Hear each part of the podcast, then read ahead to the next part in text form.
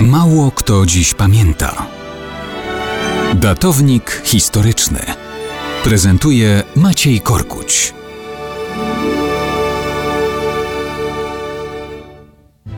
Mało kto dziś pamięta o tym, że 30 listopada 1770 roku, czyli równe 250 lat temu, urodził się Andrew Thomas Blaney, którego szable do dzisiaj można podziwiać w zbiorach Muzeum Czartoryskich w Krakowie.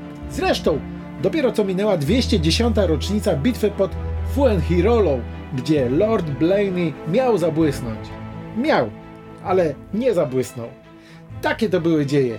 Na Półwyspie Iberyjskim Hiszpanie wspomagani przez Brytyjczyków walczyli przeciw Francuzom, u boku których bili się także Polacy.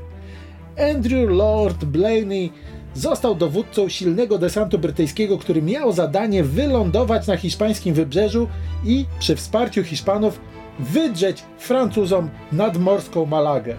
Jest rok 1810. Świetnie wyposażony brytyjski korpus ekspedycyjny wyrusza z Gibraltaru.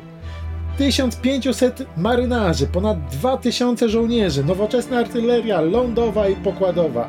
Na drodze do Malagi stoi tylko zabytkowy, średniowieczny zamek wybudowany przez Maurów jeszcze w miejscowości Fuengirola.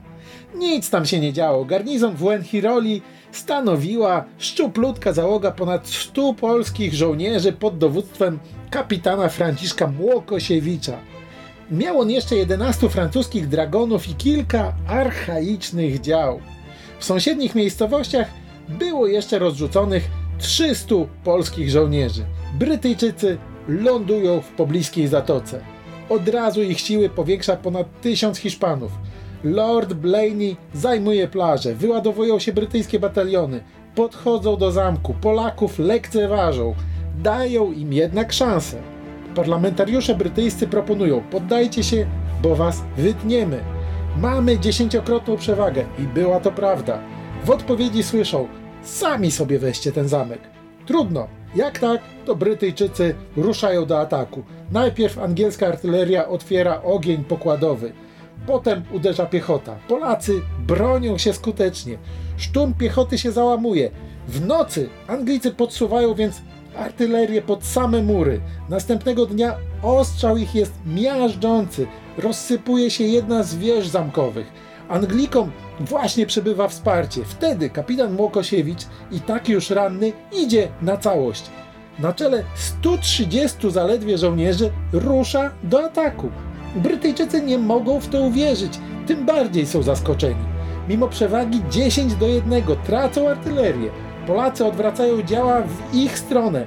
Ostrzał powoduje u Anglików panikę. Blaney próbuje odzyskać pozycję, ale wtedy z boku pojawiają się Polacy z sąsiedniej miejscowości. Młokosiewicz przegrupowuje siły, uderza znowu. Brytyjska obrona się rozsypuje. To jest kompletna klęska. Sam Blaney trafia w polskie ręce do niewoli. Brytyjski desant został kompletnie udaremniony. Francuzi potem przecierali oczy ze zdziwienia, że to było możliwe, a szable spod Fuenhiroli do dzisiaj możemy oglądać w Krakowie.